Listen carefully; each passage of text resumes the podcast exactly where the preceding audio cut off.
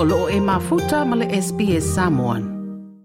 O lo sila sila le whainga malo le peresetene Joe Biden i Amerika i le toe ilo ilo ino tu la fono e whaatatau i le la au le marijuana. Ma se toe whaatulanga ina o lea la au i tu la fono a Amerika po se reclassification. Ua le whaonga ina le whaupunga vai la au whaasaina po o le la au whaasaina i le tātou reporti.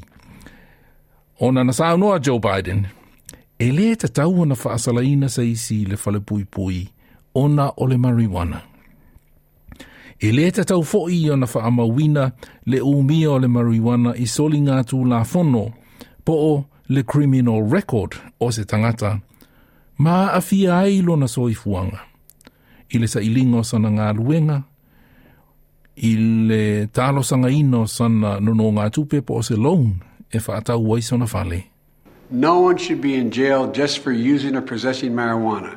It's already legal in many states, and criminal records for marijuana possession have led to needless barriers to employment, to housing, to educational opportunities. And that's before you address the racial disparities around who suffers the consequences. While white and black and brown people use marijuana at similar rates, black and brown people are arrested, prosecuted, and convicted at disproportionately higher rates. So today, I'm taking three steps to end this failed approach.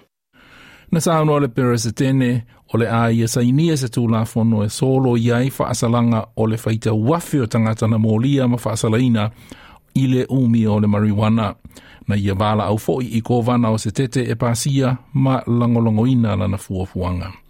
Na saunoa Joe Biden i le le o tonu o le tuu whaatasi o le la au le marijuana ma isi vai la au whaasaina ma lolosi e pei o le heroin ma le LSD. I'm announcing a pardon for all prior federal offense, federal offenses for the simple possession of marijuana. There are thousands of people who are convicted for marijuana possession who may be denied employment, housing, or educational opportunities as a result of that conviction. My pardon will remove this burden on them. I'm calling on all governors to do the same for state marijuana possession offenses. The federal government currently classifies marijuana as a Schedule 1 substance, the same as heroin and LSD, and more serious than fentanyl. It makes no sense.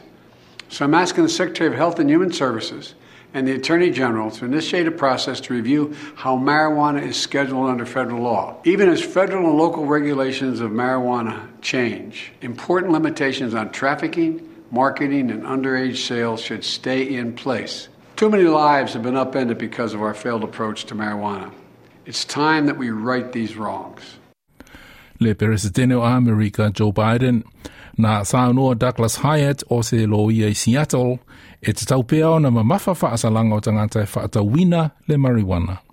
Ai mō i lātou e umia mō lo lātou whaonga ina e te tau ona puipuia o lātou wā awhianga e pei ona iei nei i le lumanai i ngā luenga i a isi avanoa pei o a onga ia manino no ngā tupe.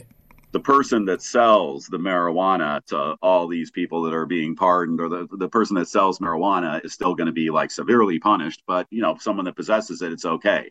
Well why is it okay to possess it you know and you can't sell it i mean that's stupid so when we get a little bit of reform like this i'm happy about it but i'm certainly not gushing about it because there are all these other people whose lives are being ruined on a daily basis by our idiotic drug laws Douglas Hiatt.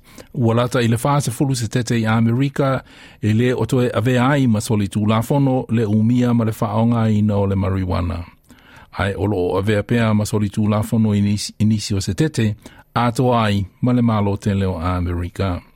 E le taumate o se tasile nei o mata upu o le a o fia i le filifilinga tangata i pālota o loma nei mō midterms i le masina o novema. O le reporti na whaamapopo i na Marcus mas mo le SBS News. Like, share, ma faali sau finangalo, muli muli i SBS Samoan i Facebook.